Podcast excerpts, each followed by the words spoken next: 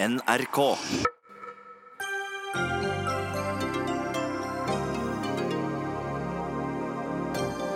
Har kong Harald lest den siste trontalen for Erna Solbergs regjering? Kristelig Folkepartis politiske veivalg blir høstens thriller i Stortinget. Og MDG har meldt seg på banen og vil gjerne være med dersom Kristelig Folkeparti danner regjering med Senterpartiet og Arbeiderpartiet. Miljøpartiets eneste stortingsrepresentant møter Senterpartilederen til et slags jobbintervju i Dagsnytt 18. Norge har importert tonnevis med sauekjøtt fra utlandet, samtidig som sauekjøttlagrene her hjemme allerede er proppfulle. Hvorfor er det klokt, herr landbruksminister, spør vi. Og mens nobelprisene deles ut daglig denne uken, får vi ingen litteraturpris i år pga. en rystende metoo-sak. Kan Den svenske akademien reise seg igjen?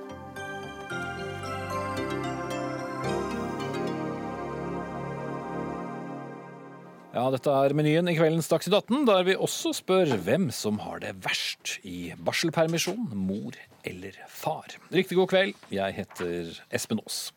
Og først til den eh, svært så spennende politiske situasjonen her hjemme. For i dag åpnet kong Harald 5. det 163. storting med å lese opp det som kanskje er Solbergs-regjeringens siste trontale. For om et år kan en ny regjering være ledet av Jonas Gahr Støre, som da har skrevet talen. Mye er opp til Kristelig Folkeparti og deres landsmøte, som tar sin beslutning 2.11. om de skal støtte en eventuell Støre-regjering og dermed felle Solberg-regjeringen. Trygve Svensson, leder for Tankesmien Agenda og tidligere statssekretær for Arbeiderpartiet en kort periode også. Eh, KrF-leder Knut Arild Hareide ønsker altså at partiet vurderer et regjeringssamarbeid da med Senterpartiet og Arbeiderpartiet uten SV. Du skriver i en kronikk at du heier på et slikt alternativ. Hvorfor er dette bra? Du, jeg syns rett og slett dette er kjempespennende. Jeg syns det åpner et litt sånn nytt rom i norsk politikk. Der du plutselig, plutselig så får sentrum en helt ny politisk kraft, rett og slett. Eh, og det tror jeg, tror det er veldig positivt i en tid som har vært litt sånn preget av polarisering, av at, vi, at ytterpunktene har liksom dratt i begge eh, kanter. Plutselig så tegnes det opp et kart, eh, også basert i mandatene på Stortinget der, eh, der, sentrum blir liksom gjenoppvekket. Da. Og det, det, tror jeg det er mange som vil være interessert i.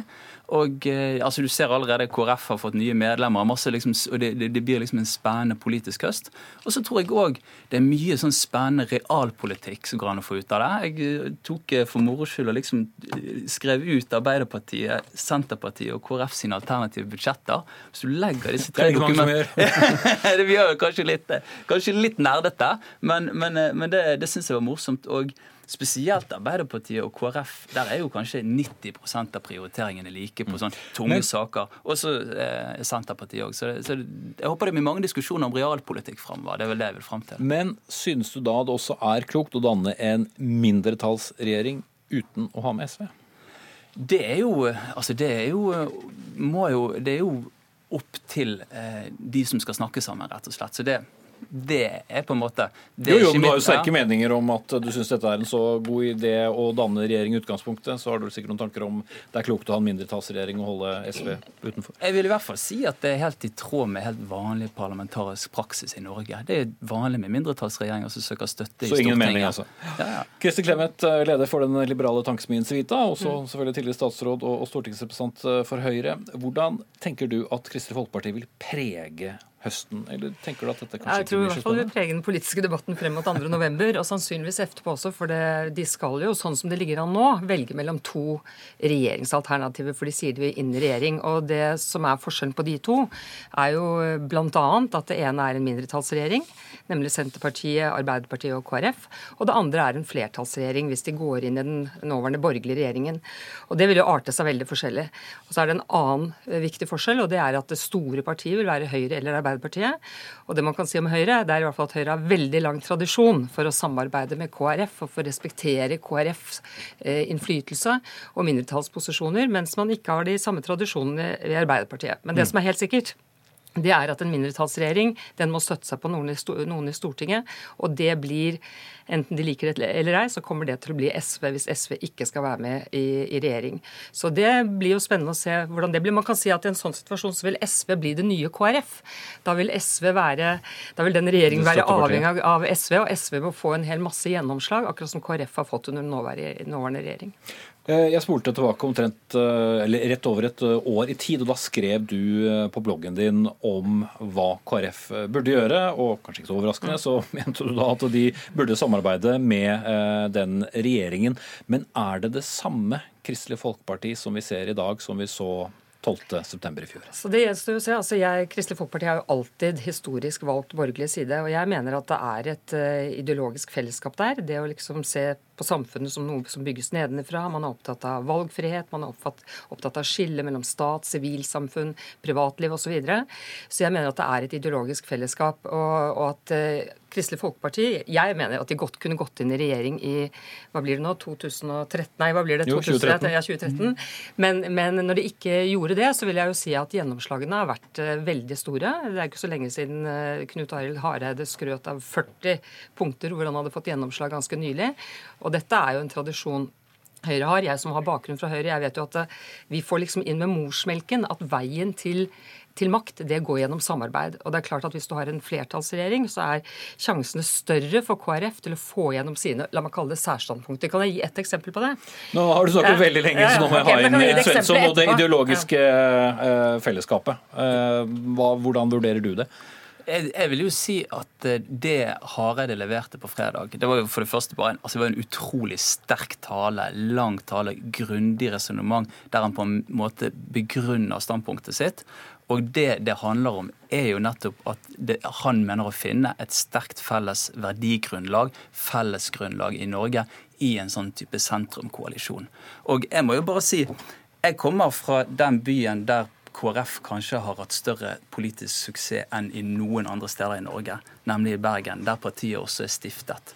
Og Der har de jo styrt i 40 år. Altså De har vært ute av makt i ett år siden 1971. Gikk ut pga. Bybanesaken, kom inn igjen. Mm. Det er tross alt en ganske stor by. Og hvorfor er det de har hatt sånn suksess i Bergen? Jo, fordi at de har gjort akkurat det samme som Hareide pekte på på fredag, og som egentlig var suksessen til den første Bondevik-regjeringen, nemlig de har samarbeidet til begge sider. Men, men, altså, men de kunne gjort det, det samme med Frp, men det som ble så vanskelig. Jeg tror det er ren ønsketenkning å forestille seg at man skal felle den regjeringen som sitter nå, uten at det har skjedd noe spesielt, som man har vært venner med, har skrytt av, har hatt et fellesskap med, har fått gjennomslag hos, og så skal de som da blir felt, umiddelbart snu seg rundt og samarbeide med den nye regjeringen. Det kommer ikke til å skje. De har allerede gitt beskjed om det. Så de må støtte seg på SV. Derfor så blir ikke dette en sentrumskoalisjon. Men la meg gi et eksempel på hva som er forskjellen på disse to regjeringene. Eggdonasjon det er det flertall for i Stortinget.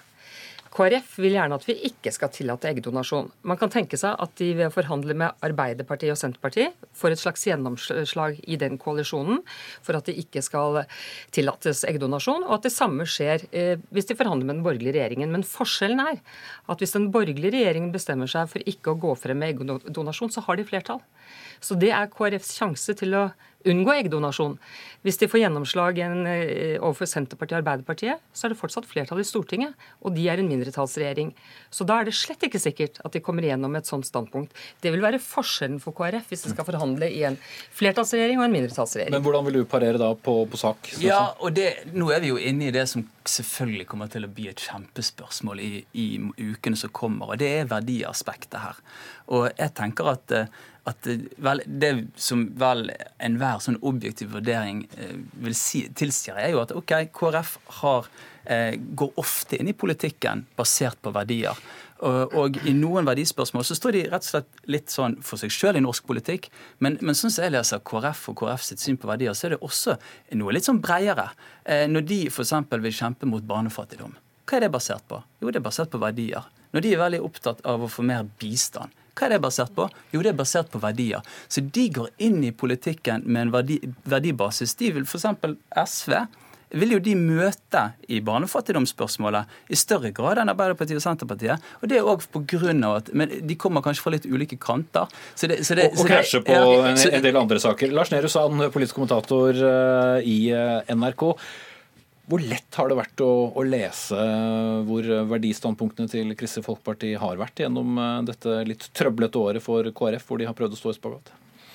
Det er jo, eh, KrF har i hvert fall orientert seg mot den regjeringen de har et samarbeid med, i, også i verdisakene, og, og har som Clemet sier, møtt en forståelse for det på, på, mange områder. og Da må Arbeiderpartiet prøve å matche eh, det, ikke bare den dagen man eventuelt legger frem en, et skriftlig dokument, men også i, i den praktiske politikken fra, fra, dag til dag. Og Det er jo det mange i KrF er, er spent på, selv med den nye overbygningen som, som Hareide har, eh, har presentert. Men hvis det blir slik 2.11. at landsmøtet sier vet du hva, eh, Knut Arild Hareide, vi er uenige med deg, og vi stemmer for å fortsatt eh, støtte den sittende eh, regjeringen. Hvordan blir da dynamikken i Kristelig Folkeparti, hvor, han, hvor vi har en leder med et landsmøte mot seg? Det vil jeg anta får konsekvenser både for, for lederen og landsmøtet, nær sagt. Og, og Hareide vil jo være valgt inn for, på Stortinget ut perioden, men at det da er naturlig å, å se for seg en ny lederkandidat, det tror jeg kan, man kan si av, to eh, grunner. Det ene er at Hareide har da mislykket med, med, det prosjektet han har tegnet, og da er det naturlig at noen andre eh, Eller at, at, partiet vil ha en annen leder, og at han ikke har motivasjon for å gjøre det eh, partiet vil. Det andre er jo at hvis man da skal inn i en eh, regjeringsforhandling med eh, Erna Solberg, Siv Jensen og Trine Skei Grande, så vil kanskje KrF tenke at det er lurt at noen andre enn Knut Arild Hareide tar den samtalen og fighter for de gjennomslagene KrF da vil ha i en sånn type eh, regjering. Mm. Begge tankesmiene deres har jo hatt KrF-ere under vingene eller forskjellige samarbeid. Forteller det litt om at det ikke er så lett å plassere partiet politisk? Det, det, er et vanskelig parti å tolke. Man kan si at de har jo et verdifellesskap. Altså, det er noen sånne verdispørsmål som Trygve er inne på her, som dreier seg om bevilgninger, f.eks. bistand. Der tror jeg de får gjennomslag ganske mange steder og har fått det disse årene også. Og så er det andre verdisaker som ikke dreier seg om penger, hvor jeg mener at de har møtt større forståelse, eh, bl.a. Eh, i Høyre. Men dette er jo fellesskap i partiet, og da er det ikke så veldig unaturlig at de skiller litt mer i lag i andre typer saker, f.eks. økonomisk politikk, eh, og at noen er mer lent mot venstre enn mot mot Høyre. Så det blir jo veldig spennende, spennende dager, men, eh, men eh, ja. Vi får se. Det blir et historisk skifte i hvert fall, og et risikabelt skifte. Ja, ja, man, hvorfor har det vært naturlig å ha KrF-ere inn under vingene til Agenda? Det er jo rett og slett fordi at En av grunnideene med Agenda er at i sentrum venstre i den dynamikken så oppstår det veldig mye spennende politikk. Og det som er supermorsomt, det er jo det at her har du altså bondebevegelsen, du har kirkefolket og du har arbeiderbevegelsen. Du har altså tre bevegelser med dype historiske røtter i Norge, som nå skal kanskje sitte seg ned, snakke sammen, utforske det politiske rommet. Det er jo i seg sjøl Det burde jo være, det er jo liksom virkelig mat for men, alle det, som er opptatt av politikk, og som men er, for alle statsråder. Så det er veldig morsomt. Men det er nesten litt freidig å snakke om det som det er en, en flertallsregjering, for det er en mindretallsregjering som da må lene seg på SV og Rødt. Og man kan jo tenke seg, hvis Arbeiderpartiet er nødt til å kompromisse mot sentrum, så vil presset også fra ytre venstre ja, Men det er det jo i dag også. Politisk spiller. Altså, det samme vil jo selvfølgelig gjelde. Ja, men altså, Fremskrittspartiet er jo utrolig mye større enn SV. og Fremskrittspartiet er det partiet de i så fall vil lene seg mot. Det er, jo, det er jo åpenbart En sånn type regjering vil være en mye mer sentrumsorientert regjering enn alternativet som er å gå et langt steg til høyre. Men Kan det bli nesten som en sånn tredeling også, Lars Nehru Sand? Altså, du har da selvfølgelig dagens regjeringspartier, så har du muligens da en Kristelig Folkeparti, Arbeiderparti og Senterparti. Og så har du, nei, så har du MDG, eh, Rødt og, og, SV. Er det naturlig at de vil eh, da bli støttehjul for eh, en eventuell ny regjering? SV tenker du på? Ja, og også for så vidt altså Rødt og, og, og MDG. Altså, den eh, nye, En ny regjering må ha et flertall for de vedtakene man skal lose gjennom i Stortinget. og Det selvfølgelig vil være nyttig for, eh, for Støre da, som statsminister eh, i et sånt alternativ eh, å ha et veldig avklart forhold til SV, som man er garantert å få gjennom de, de store tingene som et eh, budsjett og andre ting. Og, og, Det er jo da naturlig at SV vil kreve gjennomslag for å skulle gi en sånn garanti. Så er jo det interessante her at eh, Knut Arild Hareide har jo ikke levert noe veldig god beskrivelse beskrivelse av hva, eh, hvordan den situasjonen oppleves å være en sånn tatt for gitt støtte i Stortinget. Eh, det har jo han snakket ganske bra ned, for å si det sånn, med sin eh, tale og situasjonsbeskrivelse. Så SV kan jo umulig føle det direkte forlokkende. Men grunnen til at SV også kan se på det med, med litt andre øyne enn en KrF, er nettopp det eh, vi har vært inne på allerede, nemlig at SV vil nok føle at eh, skuffa Arbeiderparti-velgere har en ganske lett vei over til, eh, til Arbeiderpartiet, slik man så på, nei, til SV, eh, som SV da vil kunne profitere på. Eh, som man så på begynnelsen av 2000-tallet når eh, Stolte, under Stoltenberg I-regjeringen f.eks. Og det er jo nettopp fordi den politiske logikken er ikke sånn at jo blåere regjering, jo lettere er det å være et rødt parti. Det er snarere sånn at hvis det store røde partiet gjør en dårlig jobb i mange velgeres øyne, så er det veldig bra for, for de mindre røde partiene som, som SV og, og Rødt. Og Det er også derfor SV kanskje vil unngå å gå inn i en regjering, for å la hele den banehalvdelen bli, bli åpen for partiet Rødt. Mm. Spennende blir det i hvert fall, og ikke minst bare med statsbudsjettet som kommer på mandag. Takk til Lars Nehru Sand, politisk kommentator i NRK, Trygve Svensson, leder for Tankesmien Agenda, og Kristin Clemet i Tankesmien Civita. Men eh, vi gir oss ikke helt der, for det siste vi snakket om var jo hva med de andre eh, partiene. Og et av partiene er selvsagt Miljøpartiet De Grønne som vil delta i samtaler med Kristelig Folkeparti, Senterpartiet og Arbeiderpartiet om et eh, mulig regjeringssamarbeid. For eh, i VG så sa du, Une Bastholm, eh, stortingsrepresentant og talsperson da i Miljøpartiet De Grønne, at dere kan være tungen på vektskålen, som det heter, i interne regjeringsforhandlinger om nettopp klima og miljø. Så men hvorfor er det så naturlig? Jeg ser for meg noen uh, stridssaker, ikke minst mot Senterpartiet. Ja, og stridssaker det er jo alltid forhandlinger. Partiene er ulike, og til sammen skal vi gjøre hverandre bedre. Uh, men vårt utgangspunkt er jo at uh, det kan være rom nå for den grønneste regjeringa i Norges historie. Vi ser at Hareide oppgir global fattigdom og klima som en av sine tre hovedprioriteringer framover for KrF. Og Da tenker jeg at det er naturlig å prate med det partiet som har de to tingene som aller første sak. Fordi global fattigdom og klima det henger veldig tett sammen. Mm. Eh, det skal jo sies at eh, vi titt og ofte har hatt eh, Miljøpartiet De Grønne og Senterpartiet i studio her, fordi dere er uenige om en rekke ting. Hva, er din beste jobbsøknad til Senterpartileder Trygve Slagsvold Vedum i dag? Har, nå har jeg jo en jobb allerede, og jeg har en full jobb hjemme med ei lita jente på ni måneder, så jeg trenger ikke den jobben. Men jeg tenker at det er vår oppgave som stortings politikere når eh, det diskuteres ulike regjeringsalternativer, se på hvor kan vi samarbeide. Eh, jeg er, står langt fra Senterpartiet i ganske mange saker, særlig på deres måte å forholde seg til klimapolitikken på. Eh, de rett og slett er ikke interessert i å kutte utslippene når folk merker det, og det, da har vi en utfordring, for vi må kutte en del utslipp framover.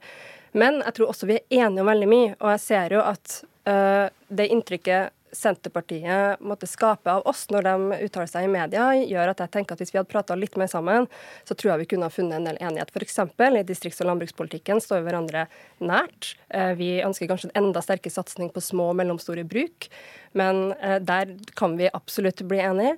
Eh, vi også er jo enig i at det er viktig at vi har levende og gode distrikter. Vi er kritisk til kommune- og regionreformen og ønsker at den skulle ha vært basert på på en oppslutning lokalt, eh, og vil jo stemme sammen med Senterpartiet for en reversering for de kommunene som, eh, som ber om det. Sånn at vi, og det her var noen eksempler, men det er flere sånne eksempler. Jeg tror at vi kunne ha blitt enige, men det er jo klart, jeg sender ikke noen jobbsøknad, nettopp fordi at for oss blir det viktig hva som står i en sånn plattform. Absolutt. Men samtaler burde vi ha. Ja, Trygve Slagsvold Vedum, leder av Senterpartiet, du er med oss på linje hjemme fra Stange i, i Hedmark. Eh, ble du nesten våt i øynene av å høre alle disse fine tingene dere kan samarbeide med MDG om?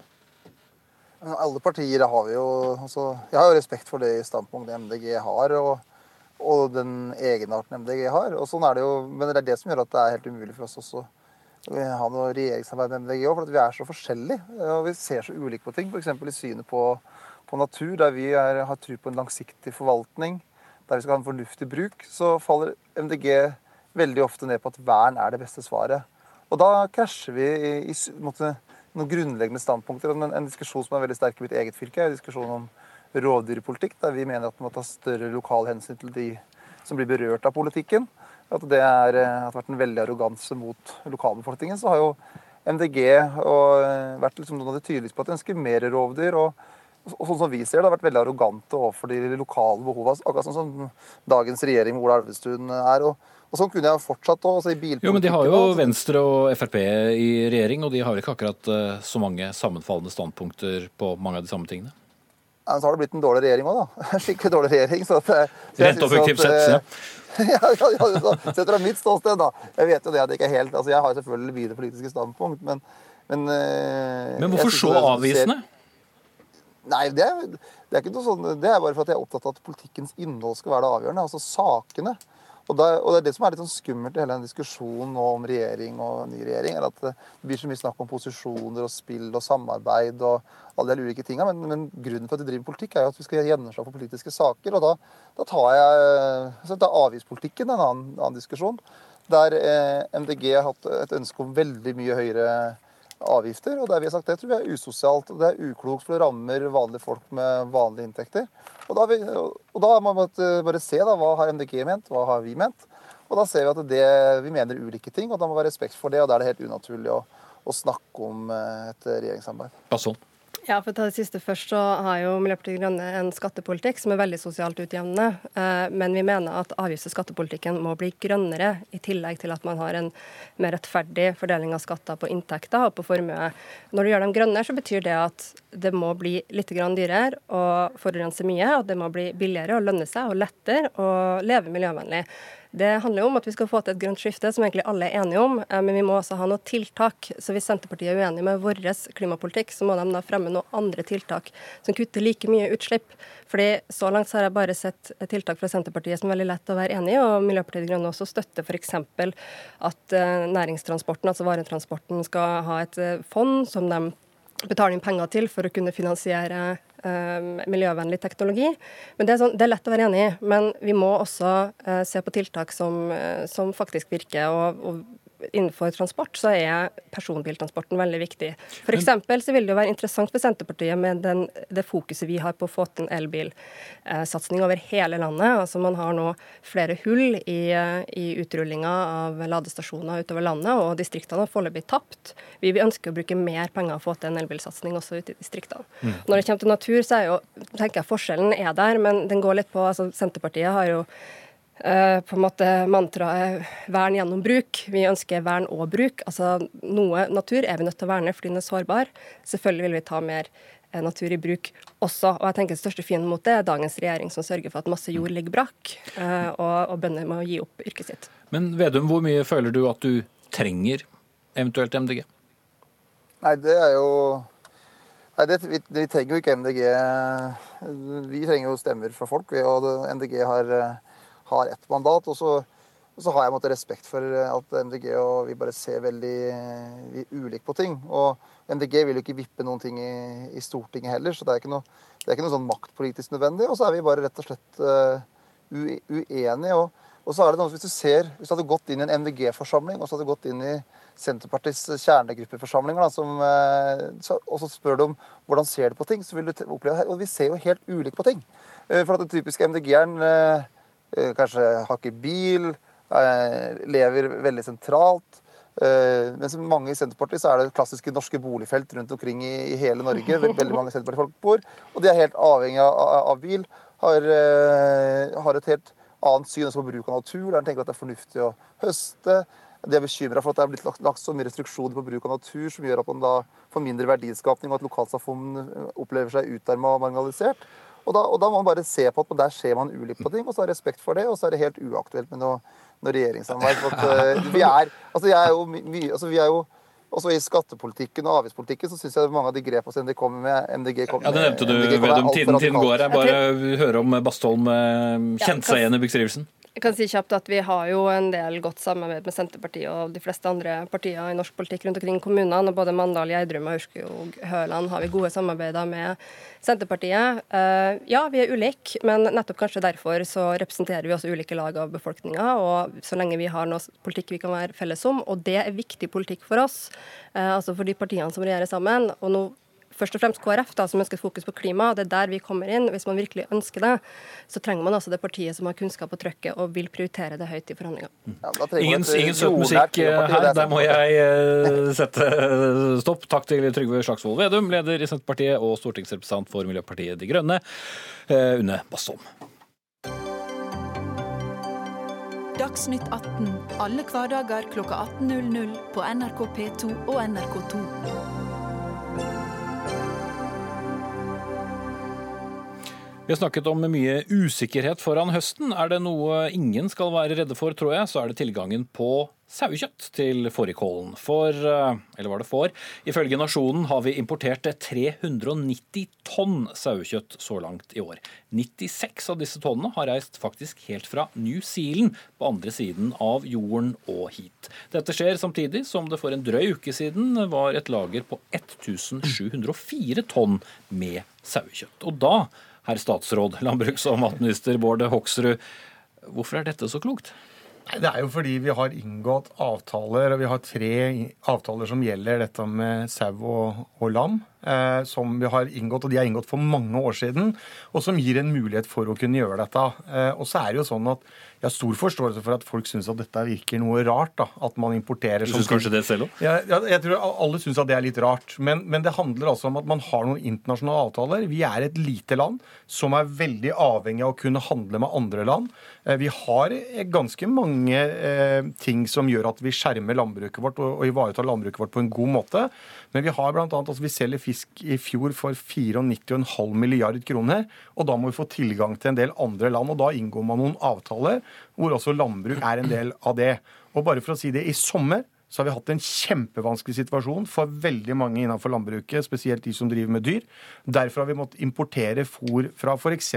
Island, som er en av, et av de landene vi har avtale med. Eh, det skjønner, skjønner vel mange. Og det, og det, men ikke sant? og det er derfor vi må ha handelsavtaler. Det er ikke sånn at bare akkurat når det gjelder at vi syns det er greit, så skal vi ha handelsavtale. Vi må faktisk også av og til ha handelsavtaler som gjør at man har gode samarbeids... Og kan samarbeide godt med andre land. og, og det er det som ligger til grunn. Geir Pollestad fra, fra, Senterpartiet. Hva skjer med bønder og priser når vi har så godt med kjøtt? Det å drive og importere kjøtt til Norge, det er å gi vekk eh, norske arbeidsplasser. Eh, både i landbruket og i industrien. Eh, så det som er i fall veldig viktig nå, er at vi stopper opp. At vi heller kutter og styrker, eller vi styrker tollvernet. Og at vi ikke liberaliserer det ytterligere. Fordi at eh, Norge har som alle andre land en rett og en plikt til å produsere mest mulig mat til egen eh, befolkning. Det bør vi eh, gjøre, fordi, både fordi vi produserer god mat, fordi vi, det skaper arbeidsplasser. Eh, og Derfor så er nok den store uenigheten mellom meg og Hoksrud at jeg representerer et parti som vil styrke tollvernet. Han har et partiprogram som vil bygge ned tollvernet. Og der står diskusjonen. Men samtidig så tenker jeg jo, altså man inngår jo langtidsavtaler på alt mulig rart. Enten det er drivstoff, enten det er fisk. altså eh, Man ser inn i framtiden. Men da tenker man kanskje også at man ikke f.eks. passer på å produsere så mye eget fårekjøtt hvis man inngår en avtale om å importere så mye. Og må man importere så mye fårekjøtt? Kunne man heller importert noe vi ikke hadde så mye av? Nå er jo, nå er jo, synes jeg, Dette er litt sånn morsom debatt. og det, det er interessant å høre på Senterpartiet. for Da tør jeg minne om at fra fram til 2014 så var det altså manko på eh, lam og, og sauekjøtt i Norge. Da måtte man også importere. Man importerte mye mer når Senterpartiet satt i regjering. Jo, men nå, Det er jo, gøy, men det spørsmålet syns jeg nesten var enda gøyere. Hvor, hvorfor men, kan man ikke regulere litt, eh, altså snakke mer sammen og si at eh, hør nå her, nå, altså, så vidt jeg har lest, så er det ikke mange ørene man får for kiloen for, for lammekjøtt. Og da virker det litt rart å inngå så store importavtaler. Altså Rekordhøy import i et år hvor vi produserer mye sauekjøtt. Men nå er det jo sånn at disse avtalene er inngått for mange år siden. Det er ikke noen nye avtaler som er inngått. Og så syns jeg jo dette er interessant da, at eh, vi har faktisk gjort en del grep i forhold til sau og lam som har gjort at det har øka. For vi har også drive og importert mye mer enn når vi hadde en rød-grønn regjering. fordi da måtte vi importere, for det var underskudd på sau og lam. Nå har det kommet et overskudd. Eh, neste år så vil det ikke være overskudd i forhold til det som blir produsert og det som blir importert. Men vi har har et lager som vi, eh, som vi må jobbe i forhold til. Men så har vi altså inngått en ny avtale nå, som tredde i kraft i fjor, artikkel 19, som altså ikke ikke man eh, har øka den grensa i forhold til import, på sau og lam. Nettopp for å gjøre det programlederen utfordrer oss på. Ja, det, det, det kommer til å bli bedre, tror jeg. Og vi ser også at man ser hvordan skal man få til. Vi har ikke gitt f.eks.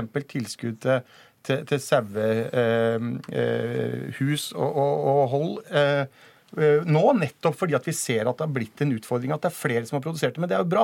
Og så har jeg lyst til å si at man må liksom ikke lage dette Det er mye du har lyst til å si, men vi skal Ja. til Pollestad her også, som har sittet og hørt på alle de tingene du har lyst til å si. jeg syns det er fint at Hoksrud får svare. For f.eks. det siste poenget her er jo en, en viktig vedtak som, eh, som Stortinget gjorde, og som ikke nødvendigvis eh, regjeringa var enig i. og det er klart at eh, Stortinget har hatt eh, god hånd om landbrukspolitikken de eh, senere åra. Men det som jeg mener at Hoksrud må ta inn over seg, det er at han har utvida eh, kvotene til EU på en del dyreslag. Det er ikke et problem i dag, det kan bli et problem. Men vi har altså en overskuddssituasjon med eh, kjøtt i Norge, og samtidig så importerer vi. Og der er det kvotene som er problemet. Så jeg vil jo utfordre statsråden på å si til de som importerer, kan dere ikke bare kjøpe kvotene? La være å ta inn kjøttet. Altså retten til å importere, eh, men ikke ta i bruk det kjøttet. Fordi at det skaper ubalanse i Jeg er mye mer opptatt av å prøve å få folk til faktisk å se at Og der jeg har vært eh, tydelig overfor dagligvarebransjen, jeg har vært tydelig overfor andre jeg møter, at la oss prøve å se hvordan kan vi f.eks. på sau og lam hvordan kan vi få det inn i butikkene hele året for å selge mer? For det var som, det var som en, en bonde sa til meg. Dette handler jo ikke om at eh, altså, Han var ikke opptatt av å prate om overproduksjon, men han prate om at det var undersalg. Vi må selge mer, sånn at man faktisk blir kvitt det. Og det, og det, og det ligger vi fint an til å kunne gjøre i 2019. Men det er jo spesielt, og Geir Pollestad, at når dere har satt i regjering, så sørger man for å importere mer ost enn det vi har la opp til den nye avtalen. Dere sørga for å importere Jo, jo, mer kjøtt landbruksministeren enn det vi i gjør nå. fem år selv, da. Jo, jo, jo, jo, men, vi, men, jo, men vi har inngått avtaler nettopp hvor vi ivaretar landbruket vårt på en Nei, god måte. Du vel ikke gjøre Jo, hvis du importerer så mye. For det er det som jeg syns er litt rart. Men alt handler jo om tilbud og etterspørsel. Hvis vi vet hvor mange sauebønder vi har, eller grisebønder, eller andre kjøttbønder, så ville vel det fortelle oss noe kanskje om uh, hvor mye vi trenger å ta inn. For butikkene vet vel også sånn røftlig hvor mye de Jo, jo, selger. men, men, Men vi har altså på annen type storfekjøtt så har vi underskudd i dag. Det betyr at vi må Importere mer importere. det, vi importerer mer. Eh, og så er det sånn at altså, vi har inngått noen internasjonale handelsavtaler. Eh, som vi ikke har noe å si på. jo, jo, som, som, som har ligget der, og, så, og som ligger der. Og så, så gjør man jo nå grep for å, hvordan vi skal få til dette på en god måte. Og så syns jeg at istedenfor Senterpartiet som hele tida vil, vil sette seg liksom i sitt eget Jo, lille land og tro at vi bare kan se innover, Geir, Geir Pollestad. Vi må jo faktisk se på hvordan kan man sørge for å øke norsk produksjon. Hvordan kan vi få til det? På, I Rogaland, som du er fra, så selger man nå altså moreller fra Rogaland istedenfor å kjøpe moreller fra Tyrkia. Så det er fullt mulig å, å gjøre grep og, og satse på landbruket uten å hele tida prate om tollvern. Nå, nå skal Pål få snakke. Ja, for at Hoksrud han skaper, regjeringa skaper her et inntrykk av at en eh, har tatt ned eh, kvotene på import. De er tatt opp. Og så har det vært et system at når vi har hatt underproduksjon i Norge, så har vi importert. Jeg mener det er veldig viktig nå at vi får nye redskap, sånn at vi kan sørge for at det er balanse i markedet. Altså det som forbrukerne etterspør, og det som bøndene eh, produserer. For det er kun da eh, en kan få eh, at bonden tjener gode penger, eh, og at forbrukeren får det som de ønsker, nemlig norske eh, produkt. Og Det er der jeg savner litt at Hoksrud må mer på banen. Han må gi landbruket redskaper som trengs for å få til dette. Og så mener jeg at den utfordringen jeg ga deg, om at du må ikke, altså du må gi de aktørene som importerer, f.eks. Nortura, mulighet til å kjøpe en importkvote og la være å bruke den når vi er i den veldig kritiske situasjonen som vi er med eh, lager på f.eks. sauekjøtt. Men hva skjer med alt dette sauekjøttet da? Altså Vi hører om at vi gir eh, sauekjøtt til pelsdyrfarmere. Vi selger det ut igjen. Blir det sånn fårikål til 1 krone og 50 øre i mange måneder? Dette er jo, det er jo bedrifter, det er private bedrifter som velger om de ønsker å kjøpe disse kvotene eller ikke. Man må ikke kjøpe kvotene, men vi har et ansvar gjennom frihandelsavtalen at vi skal tilrettelegge for at man skal kunne kjøpe de kvotene. Og så er det opp til selskapene sjøl. Men jeg har lyst til å, altså, fordi dette handler ikke bare om de kvotene, for dette handler om totaliteten vår. Og vi selger altså nå knekkebrød, f.eks. Eksporterer vi for 135 millioner. Det er to tredjedeler av det vi importerer tilbake igjen. Og hvis det er sånn at Pollestad hadde fått gjennomslag for det han ville, så ville altså andre land nekta vår tilgang Nei, for var- våre både landbruksprodukter og fiskeproduktene Norge våre. er et av de landene som har minst tollvern. Vi kjøper ti ganger Nei. så mye jordbruksprodukt som vi selger Jo, men- ut. Og vi burde ha Men vi har høy, veldig god høyt i, Vi har tollvern på noe veldig få ting. Vi har ikke industritoll. De fleste varer som landet ønsker å selge til Norge, de er tollfritt. Og så sier vi jordbruk er så viktig, matproduksjonen er så viktig. Der skal vi bruke tollvern. Det vil vi bygge opp. Det vil han rive ned. Nei, Der det er- er- vi har- hvis det høres eh, fårete ut, men eh, vi får se hvem dette blir bad news for. Takk til eh, Bård Hoksrud, landbruksminister, og Geir Polstad, stortingsrepresentant for Senterpartiet.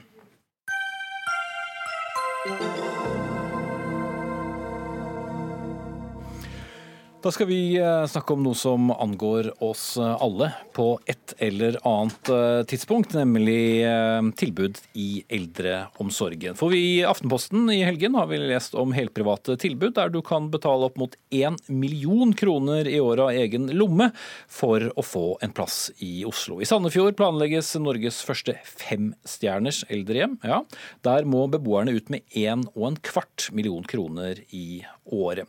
Og kanskje er dette starten på en trend der eldre rike mennesker kan benytte seg av privat eldreomsorg. Og dette, hvis jeg forstår dere rett, Åshild Brun Gundersen, stortingsrepresentant for Fremskrittspartiet, er en god ting, og hvorfor? Altså Hvordan folk bruker pengene sine, det kan ingen politikere legge seg opp i. og Det gjelder i alle faser i livet. Hvis man er eldre og har behov for å kjøpe ekstra tjenester for å få avlastning hjemme, eller man ønsker ekstra tjenester for, eh, på hjemmesykepleien, så, så har man full anledning til å gjøre det. Det er altså ikke noe verken Fremskrittspartiet eller andre partier kan detaljstyre. Det vi Så du ønsker slike tilbud velkommen? Nei, Det er en mulighet alle har i alle faser i livet. Men det vi i Fremskrittspartiet er opptatt av, er å innføre denne valgfriheten og muligheten for alle eldre. Vi ønsker flere private aktører inn i eldreomsorgen, sånn at de, eh, alle eldre kan få lov å velge mellom offentlige og private tilbud. og Det heter fritt brukervalg. Det er bra for prøvd ut i en rekke kommuner, bl.a. Oslo, og det har vi stor suksess med, hvor de eldre får lov å velge mer selv. Mm. Velge selv. Det er jo godt å høre at man eh, kan få velge selv, eller hva, Ingvild Kjerkol, eh, stortingsrepresentant for Arbeiderpartiet? Ja, denne reportasjen i Aftenposten det handla jo om eh, femstjerners eh, luksussykehjem. Eh, Hvis Fremskrittspartiet mener at alle skal få rett til det, så syns jeg de må bruke litt mer penger over kommunebudsjettet, og kanskje litt mindre penger Ja, penger hun sa vel at folk ting. kunne få bruke pengene på det, var det ikke det hun sa? Ja, men det er ikke den modellen vi har i Norge. I Norge så er det sånn at man bidrar over skatteseddelen gjennom et langt liv. Og så, når man blir gammel, så tar eh, fellesskapet vare på en. Det er den modellen vi har, og den har gitt rettigheter til hver enkelt innbygger om trygghet når du blir gammel. Men den har vel, eh, det er vel ikke helt bare sånn heller, for du må jo betale også for det, ut fra hva du selv sitter på av eh, formue og inntekt i form av, av egenandeler. Og hvis noen kunne tenke seg å bruke egenandelen og litt til på å få noe annet som de følte var bedre enn det offentlige tilbudet, er det galt? hvis du har kommet inn på en heldøgns eh, omsorgsplass, et sykehjem hvor du skal bo, så tar man eh, inntekta di. Det er riktig. Det gjør kommunen. Det er regulert etter hvor mye du tjener, hvor mye kommunen kan ta. For det er ikke sånn at eh, dette er selvkost. Vi vet sånn cirka hva det koster med en sykehjemsplass, og deler av det er, er, er noe du må betale sjøl. Men det som er litt utfordringa med disse tilbudene som Aftenposten har skrevet om, det er jo at de ikke er sykehjem. Eh, en av beboerne som var intervjua, han sa jo bl.a. at han eh, savna det å kunne ha legetilsyn. Eh, Og vi trenger jo en trygghet for alle eldre, også dem som velger å bruke pengene sine på det her. Derfor så har man lover og rettigheter gitt til den enkelte som kommunen har ansvar for. Og det er jo noe annet, de eksemplene som Brun Gundersen. Gundersen viser til i Oslo. Der er det jo private sykehjemmer som utfører denne tjenesten på vegne av kommunen. Bjørn Gundersen, eh, blander du sammen to her? Nei, altså Fremskrittspartiet ønsker et fritt brukervalg, som vi har gjort i Oslo. Jeg er bare så skuffa over at Arbeiderpartiet ikke støtter opp om det i flere kommuner. For det man ser i Oslo, når man slipper private aktører inn, er at man får et større mangfold, og de eh, eldre får lov å velge mellom flere tilbud og er mer fornøyd. Eh, Men at noen ønsker å betale for ekstratjenester for å få mer avlastning hjemme, eller for å få et ekstra luksustilbud, det kan vi jo ikke gå inn og forby. Og jeg oppfatter at Arbeiderpartiet kritiserer nettopp de eldre som ønsker å unne seg noe ekstra. Det syns jeg er veldig rart. Eh, Og jeg lurer på hvordan Arbeiderpartiet har tenkt å forby det. Kjerkol. Jeg har ikke kritisert noen eldre som har brukt pengene sine på det de ønsker, så der er jeg litt spørrende til hva Brun Gundersen sikter til. Eh, Vi har ikke kritisert noen for å bruke du- penger på noen ting som helst. Men Men, hvis det er ikke, du, men du mener først og fremst at man skal ha et offentlig tilbud, og ikke Absolutt. disse? Og man skal slippe å bruke sparepengene sine når man er gammel, til å kjøpe seg trygghet. Det er en kontrakt mellom innbyggerne og eh, politikerne, det. Ja, men at du det er skal få helt- disse tjenestene. Ja, men Det er vi jo helt enig i, men det vi mangler i eldreomsorgen, er å slippe flere private ideelle aktører til. For det man ser i de kommunene hvor man prøver det ut, er at de eldre får lov å velge mer selv. De har mer trygghet i hverdagen. De får kanskje færre hjemmesykepleiere å forholde seg til når de har anledning til å velge selv. Men i de fleste Arbeiderpartiet-styrte kommunene så ber man altså om at det offentlige skal styre absolutt ett og alt. Og det syns jeg er trist, for eh, valgfrihet eh, den skal man også ha muligheten til å ha også når man blir eldre. Men du ser ikke at de vanner ut eh, det offentlige tilbudet, hvis penger skal gå til flere private aktører, og at de som blir igjen og benytter seg av det offentlige tilbudet, så er det mindre penger der? Nei, Det er viktig at det offentlige har et godt tilbud i bånn. og Da ønsker vi å slippe flere private og offentlige aktører inn til å konkurrere om dette, sånn at de eldre skal få lov å velge selv hva slags tilbud de har. Det Arbeiderpartiet har gjort i flere av kommunene hvor de har nekta private innpass, det er jo nettopp lage dette klasseskillet. Hvor enkelte er så misfornøyde med det offentlige tilbudet de får, at de velger å bruke mer av sine egne penger på å kjøpe tilleggstjenester. Det er noe vi i Fremskrittspartiet er sterkt imot, og det hadde løst seg hvis man hadde eh, fritt Jeg diskuterer litt forskjellige ting Ja, her. det tror jeg også, nå. Introen var jo disse femstjerners eh, sykehjemmene, hvor man bruker hver krone sjøl, og det offentlige ikke bidrar med noe. Eh, Og så er det jo sånn at eh, man har f.eks. i Oslo som Som er Arbeiderpartistyrt? ja, Der har man både private bundet av driftsavtaler med kommunen, og man har nye. Og Det som jeg reagerer litt på i fremstillingen fra Fremskrittspartiet her, det er jo beskrivelsen av det offentlige. Eh, Alle nye sykehjem som planlegges nå, de bygges eh, med en moderne standard. Men- med, som skal legge til rette for at eldre skal leve det livet de har levd før de ble så syke at de trengte omsorg hele døgnet. Med kino i kjelleren, eh, flotte takterrasser, eh, infrastruktur i bygget som gjør det mulig å ta imot eh, moderne teknologi. Det er de nye sykehjemmene som kommuner over hele landet bygger Men ut. da Og som de skulle ha fått mer penger av regjeringa for å bygge men, ut. Ja, men hvis man likevel har da tilbud av ja. det som vi så i Aftenposten, svekker det egentlig det offentlige tilbudet, eller kan man ikke si at det legger mindre press på det? Det vi må passe på, det er jo at folk som flytter inn i den type tilbud, og så blir syke og trenger hjelp, får det best mulig. Og det kom jo fram i den reportasjen i Aftenposten på lørdag, at blir man for syk, så vil vi ikke ha det her. Men Eh, da kan man jo likevel få hjelp. Man har vel ikke kjøpt seg ut av det. Men, Nei, eh, men- men fremfor å velge bo, å bo hjemme og ha folk, eh, og heller bo på et sted du kan betale for å ha folk rundt deg. Ja, men jeg tror vi må være våken på hva slags innhold det er i dette tilbudet, og sikre at den eldre vet at hvis man blir syk, så må man få hjelp av kommunen eller andre steder. Men det har er du heller si- ikke ja, nei, Det får du ikke tid til nå. Eh, Men du er Hun fikk jo snakke om så mye annet, så. Vi kan heller regne ut det etterpå. Men Brun Gundersen, eh, der er dere vel kanskje enig?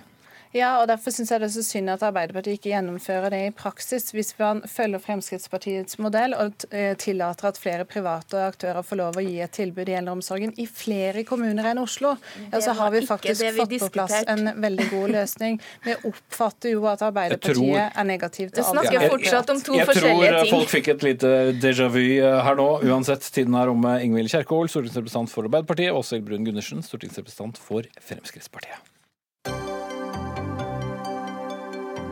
Hør Dagsnytt 18 når du vil. Radio NRK Radio.nrk.no.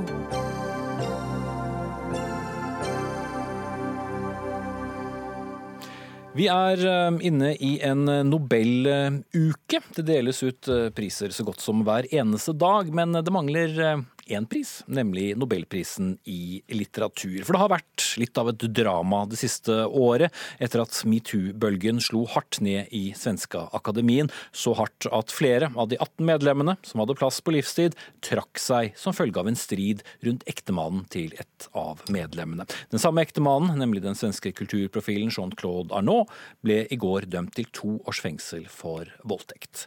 Inger Merete Hobbelstad, kommentator i Dagbladet, han var altså ikke medlem av akademien selv, men likevel så klarte denne saken altså å sprenge akademien såpass at det ikke blir noen litteraturpris. Hvordan kunne det gå så langt? Nei, altså så mange slike saker så er det jo at det ene er selve saken, og det andre er håndteringen av saken. Eh, altså Hva gjelder denne kulturprofilen selv, Arnaud, eh, så handlet jo dette om at det var hans bånd til akademien som på mange måter gjorde det mulig for ham eh, å holde på slik han gjorde. En, flere av disse overgrepene skal ha funnet sted i akademiens egne leiligheter. Han skal ha brukt eh, det at han hadde venner i innflytelsesrike posisjoner til å true kvinner med at de ikke ville få stipend mer, ikke ville få eh, karrieren dit de ville eh, hvis de gjorde livet vanskelig for ham. og i tillegg så viste det at det heftet flere hva skal jeg si, misligheter ved ham, da, eh, og ved hans kone, da, poeten Katarina Frostensson, som sitter i Svenska Akademien. Blant annet eh, kom det frem at hun hadde vært medeier i denne kulturscenen, som hadde fått støtte fra Svenska Akademien. Hun hadde derfor vært med på å tildele penger til seg selv. Det var snakk om at Arnault hadde lekket eh, eh, på nobelprisvinnere i litteratur som bare kunne kommet fra henne. Eh, så det var slike ting.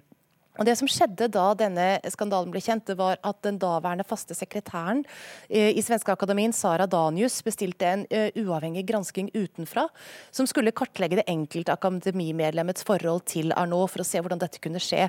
Og Denne uavhengige granskningen var det da de, uh, flere av de andre medlemmene i akademien motsatte seg kraftig, i den grad at vel flere av hennes støttespillere etter hvert trådte ut, og de kom da med et mistillitsforslag mot Sara Danius, som gjorde at hun trakk seg seg. Og de har da, i stedet for å gjennomføre denne åpningsreformen, da, kan man si, som hun prøvde å gjennomføre, lukket seg ytterligere innover i seg selv, eh, parallelt da med at rettssaken mot Arnault har foregått.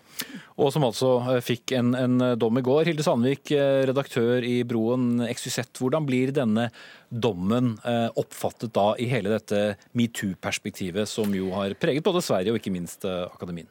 Nei, I metoo-perspektiv så er jo dette på mange måter en seier, fordi det har, en, altså det har vært saker som ikke har ført til noe dom, og det har vært mye rykter og det har vært mye navn. Eh, og her har en, eh, her har en da en dom. Eh, men det mest spesielle her er jo at denne mannen har fått holde på i så mange år. Det var en granskning som Ekspressen gjorde på 90-tallet, som, som, nettopp sa noen ting om, at, om, om sextrakassering i kultureliten. Men det, til tross for det, så har han tydeligvis eh, fått en ganske fritt leide, og har hatt Svenske Akademien som en veldig veldig viktig premissleverandør, og som har godkjent stempler hans eh, kulturklubbforum. Eh, så, men nå sier jo han at han ikke vil godta denne dommen, så vil vi se hva som skjer videre. Men det blir det mest interessante nå, i tillegg til metoo-perspektivet, er jo selvsagt hva som skjer med, med Svenske Akademien. Ja, og ikke minst det er jo denne tiden her hvor vi skal spekulere i hvem som får nobelprisen i, i litteratur. Og, og Hobbelstad, hvor stort nederlag er det at en så prestisjetung pris bare glimrer med sitt fravær? Det er selvfølgelig en stor krise, og det sier litt om hvor voldsom denne rystelsen faktisk var. Altså, eh, dette er jo, altså, grunnen til at den ikke kommer ut i år, det er jo delvis fordi de står midt i denne skandalen, og så er det også fordi de faktisk ikke er beslutningsdyktige. Eh, det har nå trådt så mange medlemmer ut av akademien at de ikke er over tolv, som de må være for å kunne eh, treffe, en, eh, treffe, en, konklusjon. Og I øyeblikket så er det vanskelig å se for seg hvordan dette skal egentlig bli reparert igjen, for her, her er det et juv mellom alle som har vært involvert eh, i denne prosessen.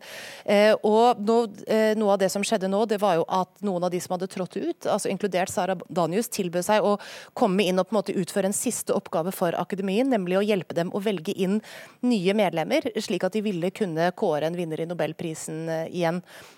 Men de stilte da som krav at Katarina Frostensson, dvs. Si konen til eh, Arnault, eh, måtte eh, tre ut av akademien. Og det er ikke hun interessert i, gitt. Hun holder jo på sin posisjon som bare det.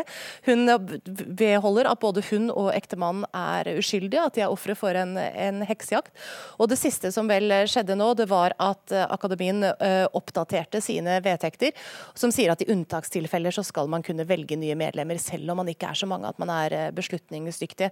Så her er det jo en institusjon som gjør ganske mye for å unngå å, gå i seg selv, må man vel kunne konkludere med. Og nå er, ja, nå er, nå er det jo sånn òg at Nobelstiftelsen faktisk har begynt å rasle litt med sablene og si òg at eh, hvis ikke nå eh, akademiet klarer å få en tillit, så kan det være at en mister muligheten til å dele ut en nobelpris.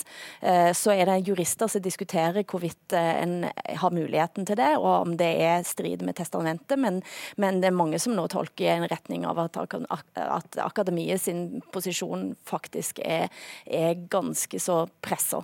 Men det at de nå faktisk òg har lagt nye, enda strammere regler rundt f.eks. hva det er mulig å si offentlig om andre medlemmer, eh, og det å lukke seg inn rundt seg sjøl, det er ganske fascinerende å se på en eller annen form for arroganse. Det tyder på at det er ingenting av kritikken som har kommet i løpet av det siste året, faktisk har nådd inn.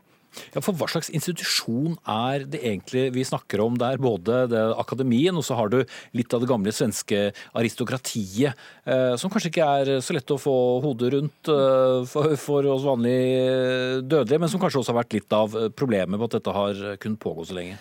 Altså, Den svenske akademien har jo eksistert siden slutten av 1700-tallet. De har fungert stort sett etter de samme vedtektene eh, som, som, eh, den gang.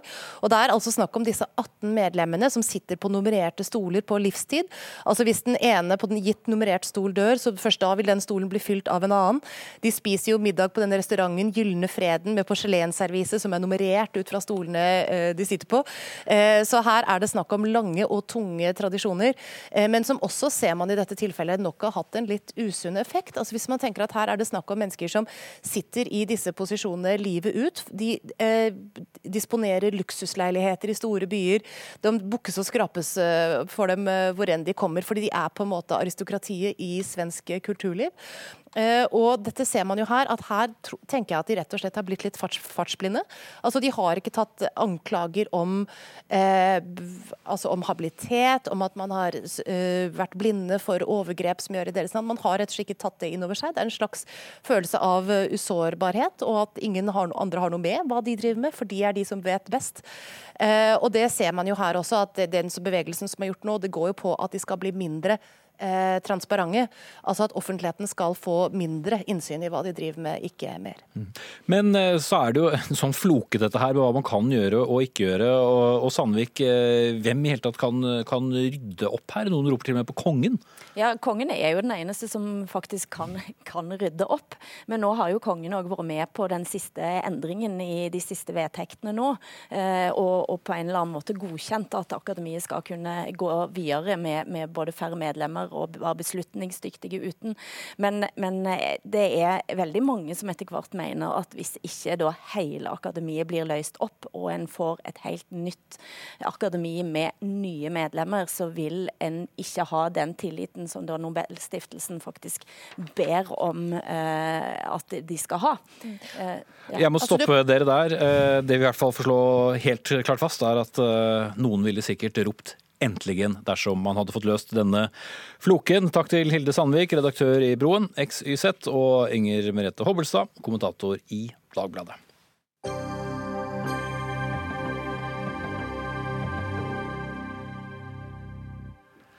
Selv eh, om det ikke er eh, oss menn som står for eh, selve fødselen, føler mange seg glemt og forvirret når de går ut i barselpermisjon for første gang. Lange trilleturer alene, ensomme kvelder der alle, alle forsøk på å se en film brytes av fordi barn ikke vil sove, og ikke minst alle disse utallige bleiene som skal skiftes, flasker som skal varmes og grøt som skal blandes alene. Betyr dette også at menn har det vanskeligere i permisjon enn kvinner, eller gjelder det samme? Torbjørn Moen Haugen, du skriver i et innlegg i Aftenposten som pappa at pappaer i permisjon plutselig kan nettopp føle seg både udugelige og ensomme. Hvorfor det? Altså, når jeg skrev det, var det fordi jeg satt på kvelden og følte meg skikkelig, skikkelig ensom. Og jeg hadde et håp om noen skulle ta kontakt eller svare.